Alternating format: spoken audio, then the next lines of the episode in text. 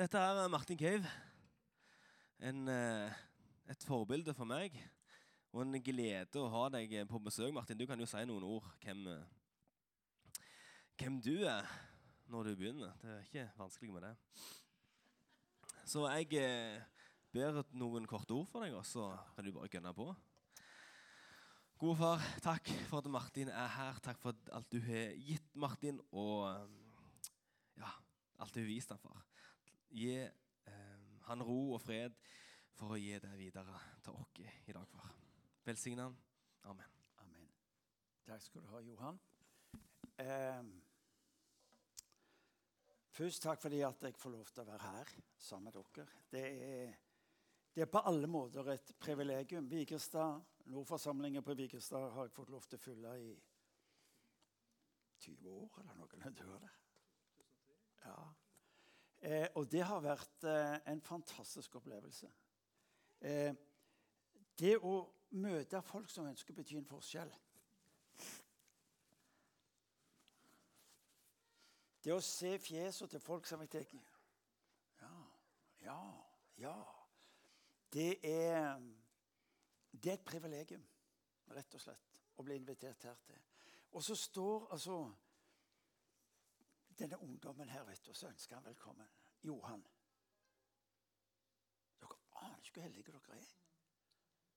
Dere aner ikke hvor heldige dere er. Som får lov til å se at de, i fotsporet til de som har gått foran, vokser det opp en generasjon som på et vis tar den samme si, lidenskap som dere hadde som starta her. For å se Vigrestad og Jæren eh, berøres av Guds rike. Er spesielt. Stadig vekk leser jeg om menigheter som eh, ikke får ny pastor eller ny leder eh, av ulike grunner. Og så, og så, har dere her Johan og de unge som sitter her. Fabelaktig, altså. Ja. Litt annerledes, men skulle det bare mangle? Ikke sant? Det skulle jo bare mangle.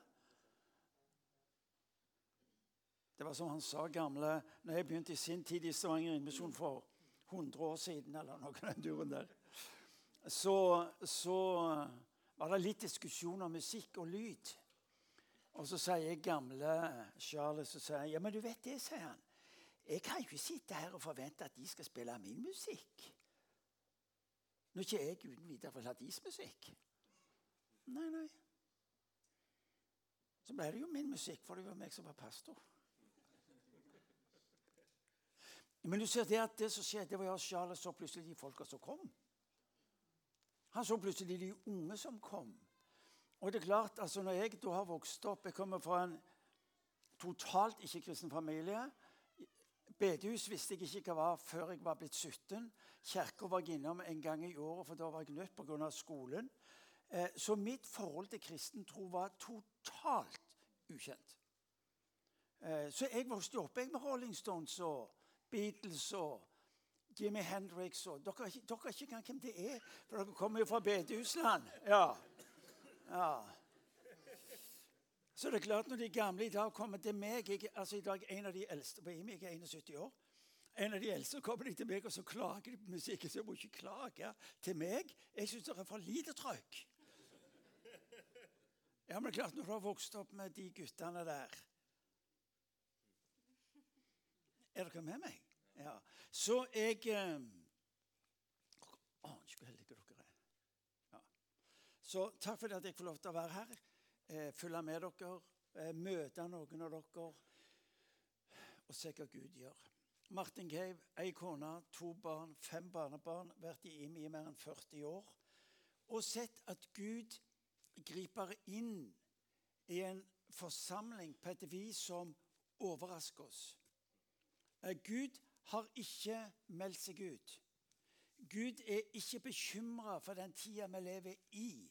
Det er ingenting ved de dagene du og meg opplever, som kommer overraskende på han. Ok. Han sitter ikke i et hjørne og lurer på når pandemien skal gå over, eller når krigen skal slutte. Han er på tronen uansett. Uansett.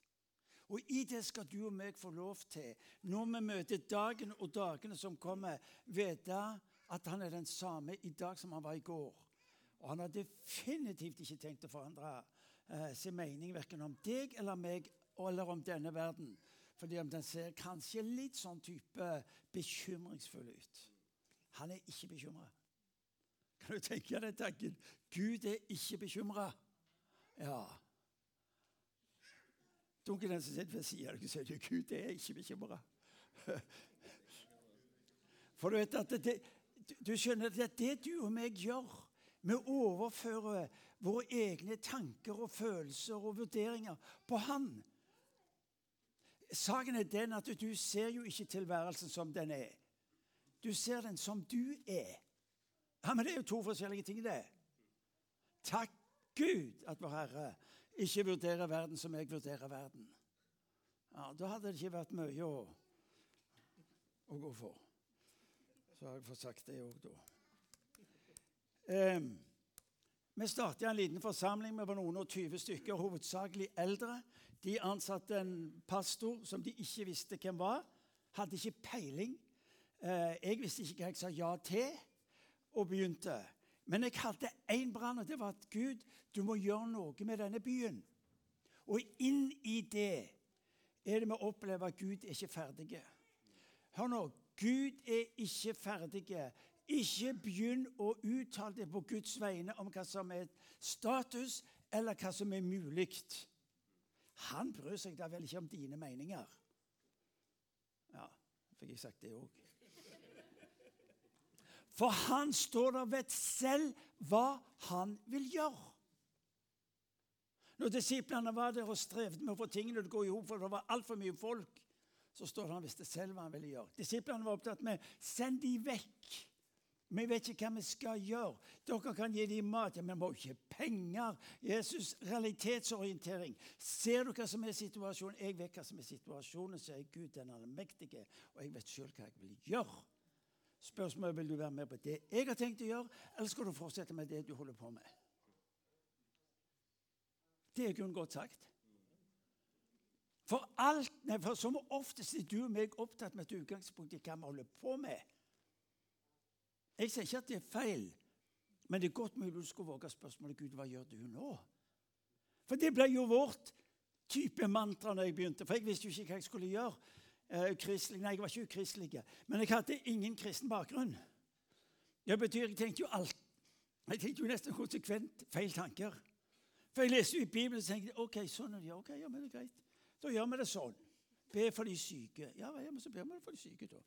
Tal profetisk ord. Ja, men da gjør vi jo det. Ja, men dette er ikke pinsemenighet, var det en som sa til meg. Det er riktig, det. Men en kristen menighet. Og da står det sånn at Guds ord skal være vår Hva er problemet? Ja, sånn ble jo vår vandring. Men så er det noe som skapes når du og jeg våger å forankre livet vårt i det han har sagt hvem han vil være imellom oss. Så er det noe som skjer. Du ser, Det viktigste med ditt og mitt liv er ikke hva vi kan, men hvem vi er sammen med. Det er heller ikke dårlig sagt. Ja, for du og meg sier så altfor ofte ja, men jeg er ikke sikker på hva jeg kan, og bla, bla, bla. alt det der. Ja, Men det er ikke du som er, er, er bærer av livet eller av denne menigheten. Det er jo, det er jo han. Jo han. Og det skjønte jo jeg nokså tidlig, jeg, at, at jeg ikke kom jeg fra en kristen bakgrunn. Ikke hadde jeg vært i menighet før, og ikke visste jeg hva det gjorde når jeg var i en kristen menighet. Så jeg tenkte ok, da går det sånn, hva står det i boka? Ja vel. Ja, Men hva er problemet da? Det står jo det. Ja vel. Ja, Men da gjør vi det. Du skal ut og, ja, men vi skal ut og vinne. Ja, men da gjør vi jo det, da. Gud i all verden står det. Jeg trenger ikke gå lenger til Stavanger eller Vigrest eller Jæren. eller... Ja, ja, men så har denne menigheten da Ja, I dag er vi en 1200-1300 fra de 20-25. Og folk sier ja, men det, det er imponerende. Og så kommer de inn, så ser de den kirka vår, og så tenker de ja, dette er jo fantastisk. Og så hekter de en hel masse ting på denne cave. Jeg syns det er helt OK, jeg. Ja, Det styrker litt sånn selvopptattheten og, og det der. Men det er, jeg syns det er helt OK. Ja. Æres den som æres skal. Men hvis du tror det er meg som er grunnen til at det ble som det ble, ja, da tar du feil. Fordi at du er med på hva han vil gjøre. Og folkens, Det er nøkkelen for dere, Bevigestad. Han vet hva han vil gjøre. eneste han ber deg og meg om, det er å koble deg opp til, og så må du skal på å bruke lang nok tid. Folk er imponert over det som har skjedd.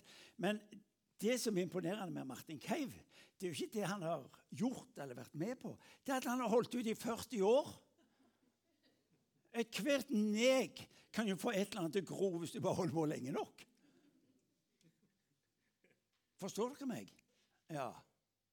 Ikke bekymr meg for alt det andre. De vil hekte strateg, og det var ikke måte på alt jeg, jeg, eh, jeg eh, slutta som daglig leder, og da var det ikke måte på hva de skrev i avisen om denne Cave. Så de dere bare surre. Men én ting kan dere gjerne se meg. Han vet ikke hvordan han skal slutte. Derfor fortsatte han. Så folk ser på alt det der store, så sier han er 40 år. Men det interessante er at når du og meg tas imot i de himmelske boliger, så møtes du ikke med hvor flink du var, eller hva du fikk gjort, osv. Men han sier, 'Kom, du, min trofaste, utholdende medarbeider. Det han ser etter hos deg og meg, det er ikke hva du kan. Men vil du gå med meg lenge nok til at jeg kan skape det som jeg tror denne verden trenger? Ja. Nå er jo vi skikkelig solide lutheranere, men det er sånne lite sånn halleluja hadde jo ikke vært dårlig eller dumt. Ja. Vi har en pinsevenn hos oss på himmelen. og stadig vekk må jeg be ham om å sette navn på det som jeg tror himmelen sier. Men jeg, jeg, har fått et type tema, og det skal jeg forsøke å holde meg til. Nå ser jeg jo mesteparten av tida jeg går, så nå kan jeg snart, nå kan jeg snart si amen.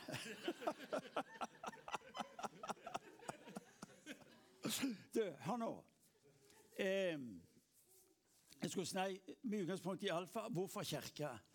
Eh, det som er vår store utfordring Kun at jeg står her nede, og ikke der oppe at jeg har høydeskrekk. Så Derfor fant jeg ut at uh, det var viktig å stå her nede. Apropos Dette er litt sånn type glimt fra livet. Men så leser du evangelieberetningen og Apostelens gjerninger, så er det òg en type glimt fra livet. Da jeg begynte i Stavanger Innmisjon, og så hadde de en sånn en plattform Denne syns jeg er fin. Men her hadde de altså sånn etter kopi av Storsalen i Oslo. Sånn ei sånn opphøya greie. Nesten sånn type gjøkur som sånn, stakk hodet fram. Og så, og så skulle du si et eller annet. Så jeg kan ikke holde på med den. Så jeg spurte styret om jeg kunne få lov til å rive ned plattformen. og den der greia der. Jeg har vært her tre måneder, kan jeg få rive ned denne plattformen? Da begynte du å lure på hvem er det vi har fått inn i huset. Så jeg rev den ned fredag, bygde den opp på lørdag. Og søndag skulle vi ha møte, og da kom en av de eldre. Han likte meg egentlig, men han syntes jeg gjorde enkelte dumme ting. Og så kom han inn. Kan du se deg det? Han kom fra Littlesalen, og så kom han inn, og så står jeg der. Hva syns du, sier jeg. Så ser han på han, så ser han på meg, og så sier han 'Jeg liker det ikke'. Nei vel. Men dette var en parentes. Den hadde ingen betydning utover den delen av min historie. Det, det jeg nå sier, tror jeg er utrolig viktig for det vi kan få tak i. For det sier nemlig noe om din og min holdning til menigheten. Ser dere disse tre sirklene? Det er ikke noe spesielt kunstnerisk med det, men det uttrykker noe jeg skal si. Når du og meg får spørsmål eh, fra folk rundt oss om hvorfor holder dere på med denne her Nordforsamlinga eller dette kristelige, så begynner du og meg å fortelle hva vi gjør. Vi forteller om barnearbeid, vi forteller om veiledning, vi forteller om lovsang og alle disse tingene. De som er litt spesielt interesserte, de spør ok, men hvordan gjør dere disse tingene? Jo, vi har smågrupper, og vi har kor og alt det der. Vi går over til å fortelle om hvordan vi gjør det. Det de færreste egentlig berører når de møter spørsmålet om hva dere holder på med i Nordforsamlingen, det er hvorfor. Hvorfor? Jeg er keivhendt, og jeg skriver helt riktig som Ja. Men sånn, sånn har det alltid vært, og det lever jeg vel med. Det er de som skal lese det, som har problemer.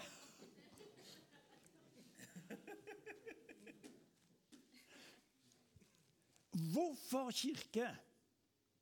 Hvis ikke du og meg får tak i hvorfor kirke, så blir alt det vi holder på med, sånn type religiøse greier.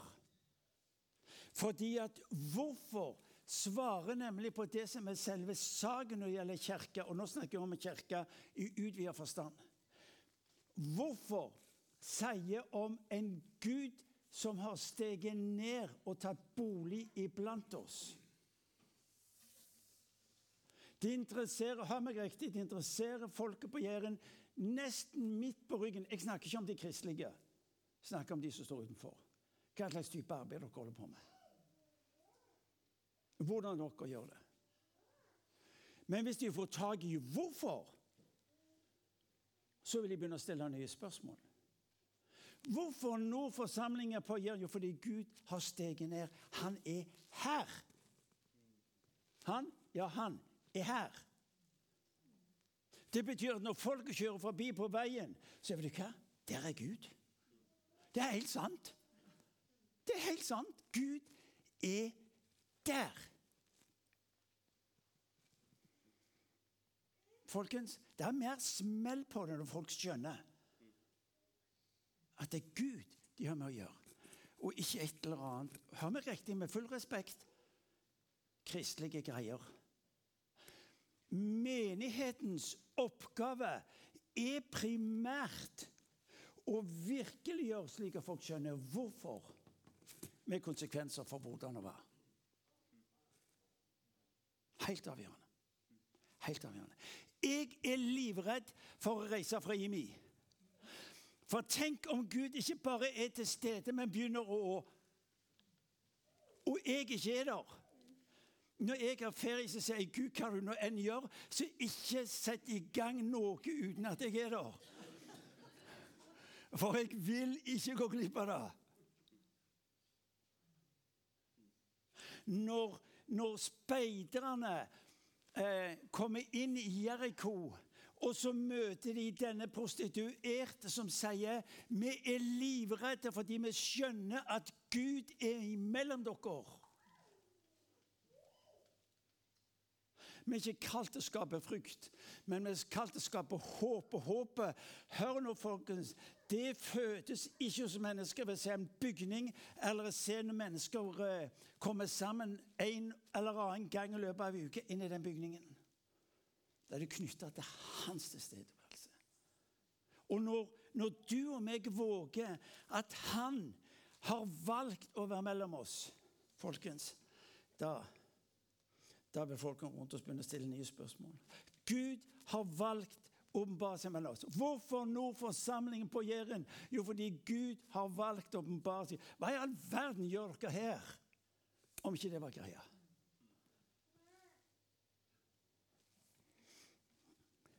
Bort her, da. Det var så taust.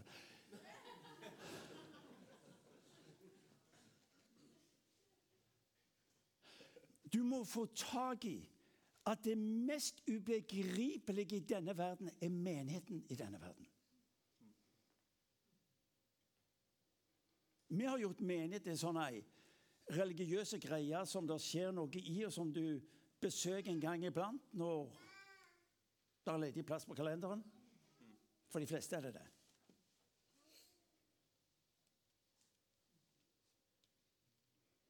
For meg er det ubegripelig at allmaktens Gud skal være mellom oss når vi kommer sammen.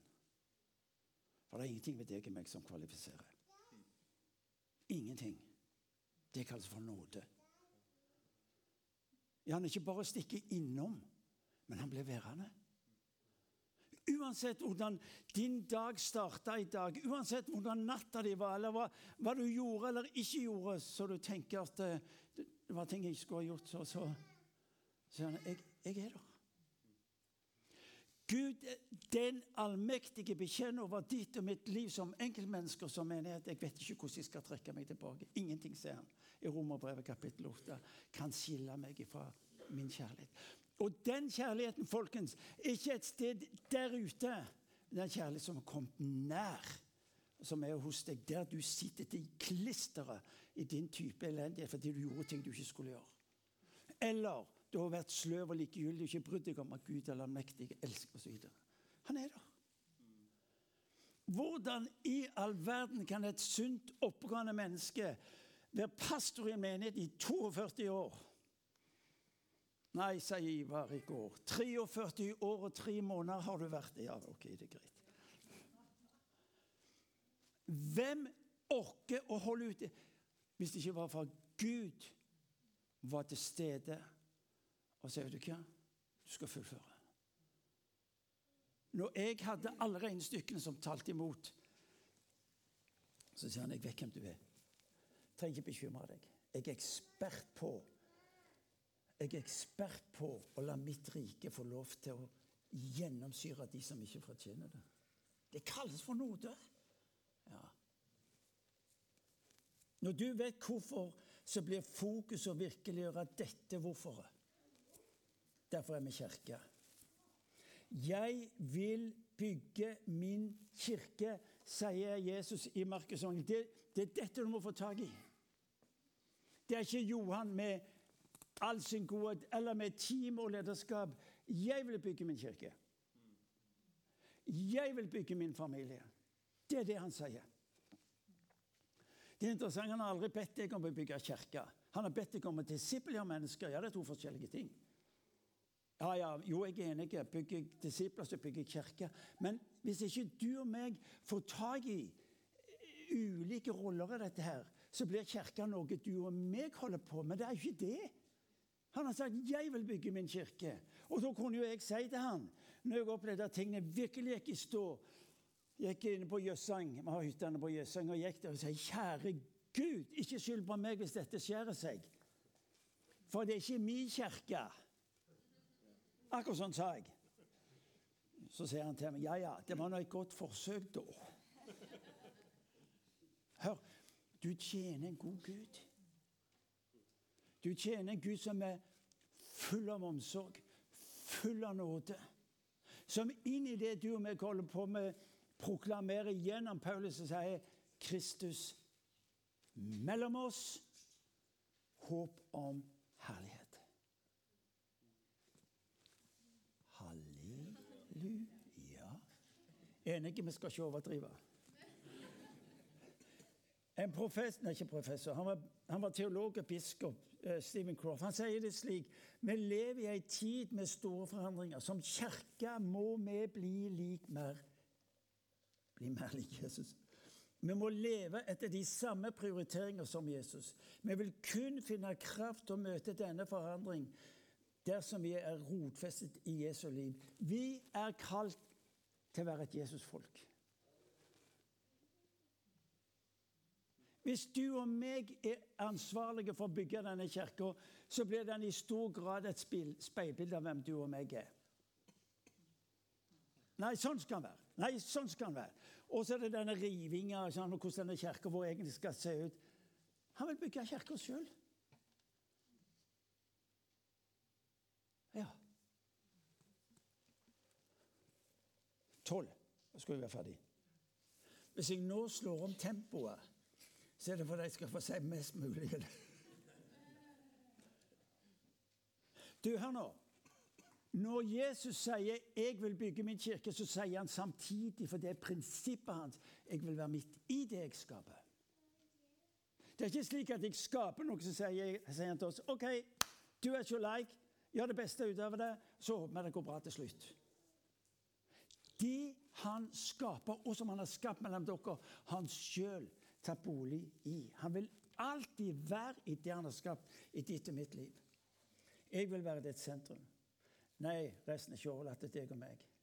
Så da blir egentlig spørsmålet Gud, hvilken kirke gir du oss i vår tid? Skal du og meg forstå som kirke i vår tid, så må vi altså først få tak i hvorfor han har steget ned. Han sier 'jeg vil bygge min kirke. OK, da er det hans opplegg. Jeg er med på det. Han holder på. Jeg kan like det eller mislike det. Det er fritt fram. Det var mange som mislikte han og vendte han ryggen og sa nei, hvem, hvem kan tåle en slik en tale? Så gikk de. Ja.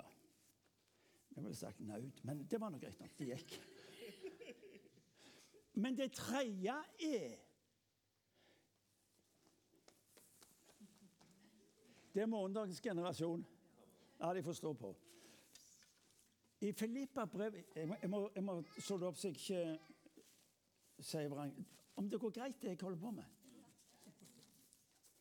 Kan du tenke deg at han står der og remjer, og så er det ingen som Om det da er trøst i Kristus, oppmuntring i kjærligheten, fellesskap i ånden Du ser det at eh, når han skaper, så sier han 'Jeg vil være til stede med min ånd'.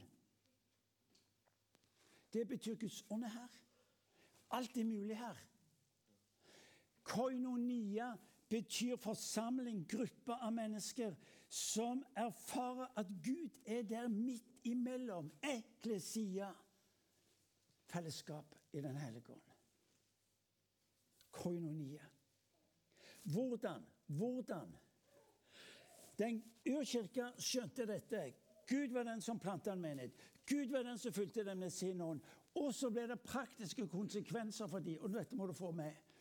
Du leser om at de hadde det vi kalte for de fire b-er. De ga Vet du hva? Der står de ga seg til. Det er en sånn type sløv norsk oversettelse. Med pasjon, lidenskap, med alt det de hadde, så ga de seg til menigheten. Det var ikke sånn Ja Nei, nei på søndag passer det ikke. Eller nei, det passer ikke. Lidenskap. Bønnen, nattværen, Bibelen og fellesskapet.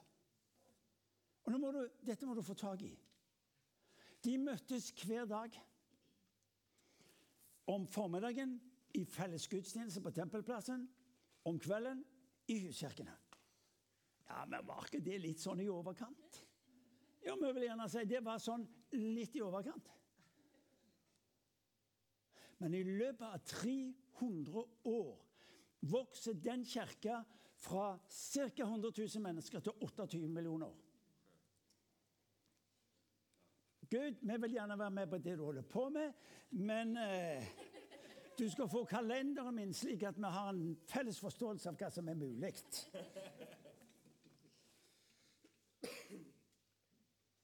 Nå sier ikke jeg at dere skal være her på forsamlingshuset hver dag. Først om formiddagen og så om kvelden. Jo, da må jo gå på jobb, og jeg er enig i det.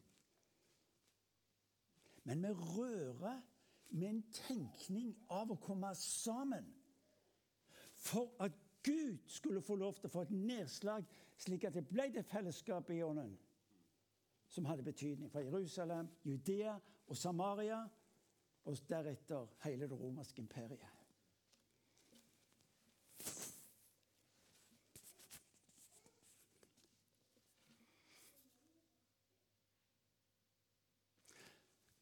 Det er interessant at folk i Jerusalem, som lar seg på et vis påvirke Det står om de eh, eh, Skriften sier de hadde eh, gunst hos alt folket i Jerusalem.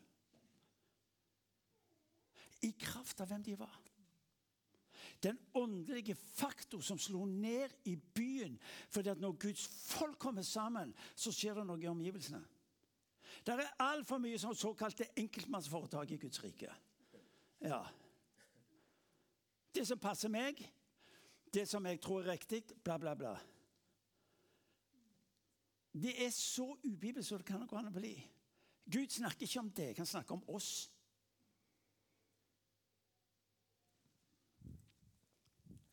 Det er nesten som du leser at han ikke bryr seg om enkeltmennesker, for han er opptatt med familien.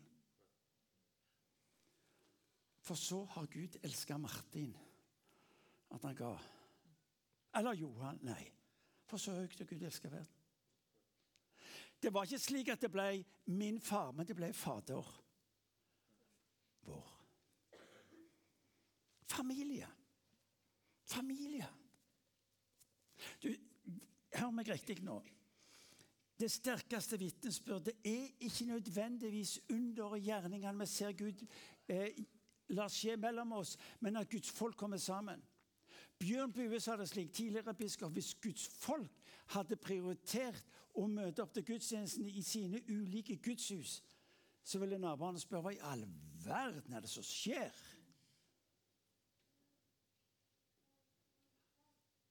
Det ligger et vitnesbyrd i fellesskapet, menighetsfamiliens måte å samhandle på. Hør nå. Du er ikke mer der ute enn det du er en del av kirka og menighetsfamilien. Dønn ærlig. Dønn ærlig.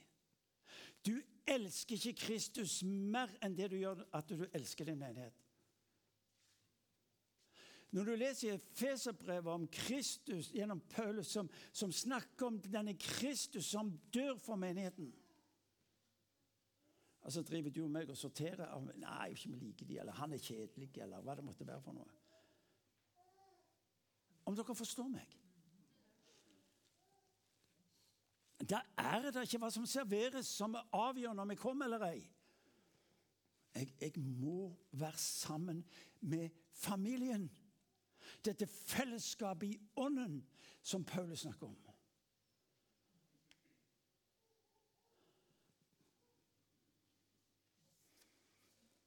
Ordet 'hverandre' brukes 80 ganger i Nystestamentet. Hverandre. Det sier alt om relasjon og dens betydning. Da står det var frykt for dem i hele Jerusalem. Jeg syns det er fascinerende. Frykt for Når Guds folk kommer sammen, så blir det frykt. Guds frykt. Folkebrå, Vigrestad, Jæren.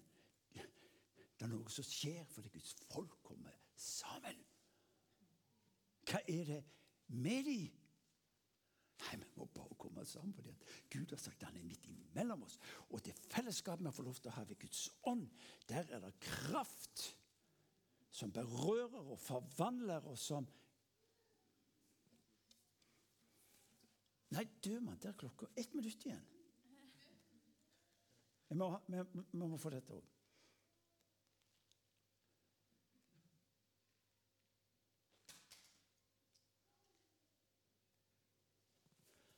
Det står at de solgte alt det de eide. De solgte alt det de eide. Det er mer et prinsipp om en holdning mer enn at alle skal gjøre det. Men det sier samtidig at Gud har velsignet deg med ressurser av tid, av penger, av spesiell utrustning. Ja, men så ikke bruk det på deg sjøl. Når du kommer hjem til Vår Herre øh, og så spør jeg, hva gjorde du med det jeg ga, jo, jeg brukte mesteparten på meg sjøl. Det er feil svar, folkens. Jeg brukte det på meg sjøl mesteparten. De la konkret tid de kom sammen. Prioritering. Penger. De solgte det de hadde, og la det for ledelsen til for at de skulle forvalte på den måte som tjente Guds rike. Ja, la være dønn ærlig med dere. Tiende. Hvordan bruker du pengene dine? Irene og meg, høyst ordinære eh, arbeidstakere vi bestemte oss for mange år siden at vi skulle gi, og så er det i dag at vi gir 20% av alt det vi tjener brutto, til Guds rike. Ja, Står du der og skryter? Nei. Men hvis ikke du får et vitnesbyrd og en modell for hvordan du skal forvalte dine penger, ja, så vet du ikke hva du skal gjøre. Vi har aldri vært fattige. Men det skal sies vi kunne ikke kjøpe alt vi hadde lyst på. Og Gud hjelper oss at det er laget beskyttelse i det.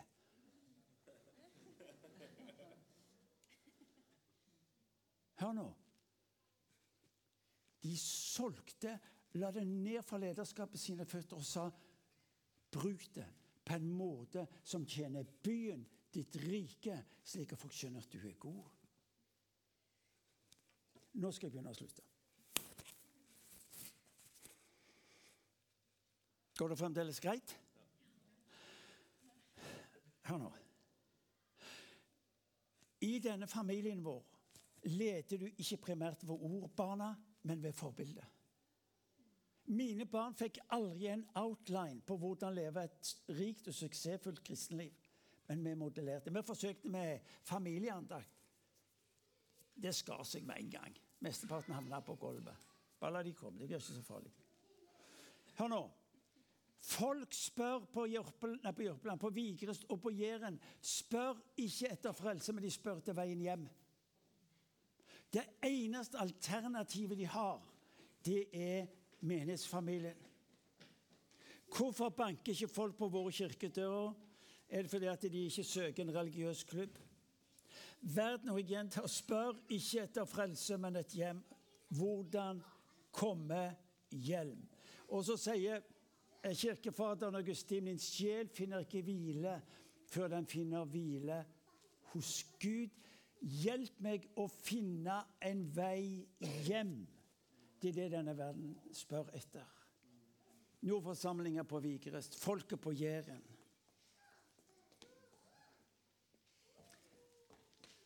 Hør. Ditt og mitt kall er ikke primært å vinne mennesker for evangeliet. Ditt og mitt kall er primært å elske dem. Det er interessant, det står veldig lite om å vinne, men det står mye om å elske. Mange av sliter med denne her vinnergreia. Du har hørt om at du kan vinne, osv. Jeg er ikke god på det der, jeg. Å stå på en talerstol, det kan jeg jo. Ethvert jeg gjør. Men, men eh, Men der ute Men jeg er gyselig god å elske folk. Ja, der er jeg god. Til alle tider. Gyselig god. Du skjønner, Det er det som beveger de.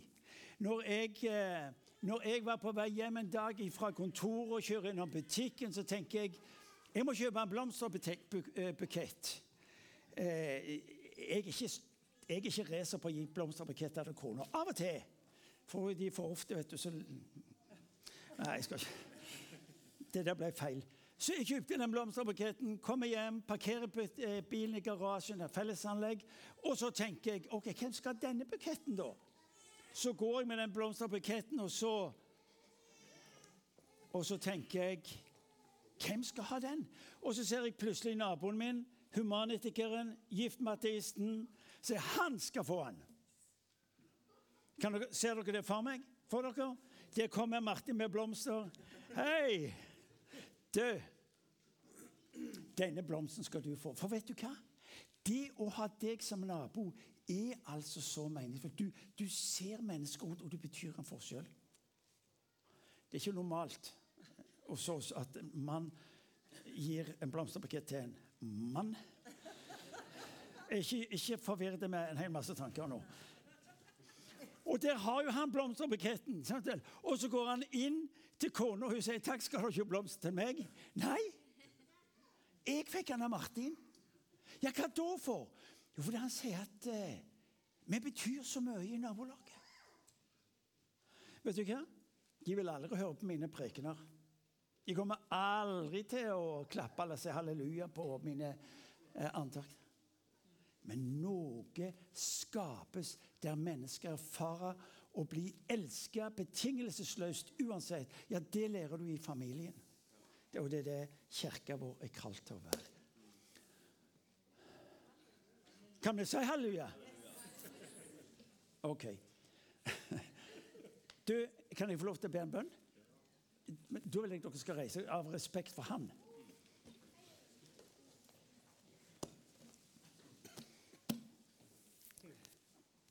Folkens, dere ser meg ikke, men det gjør ikke så farlig. Hvorfor kirke? Jo, fordi Gud har steget ned.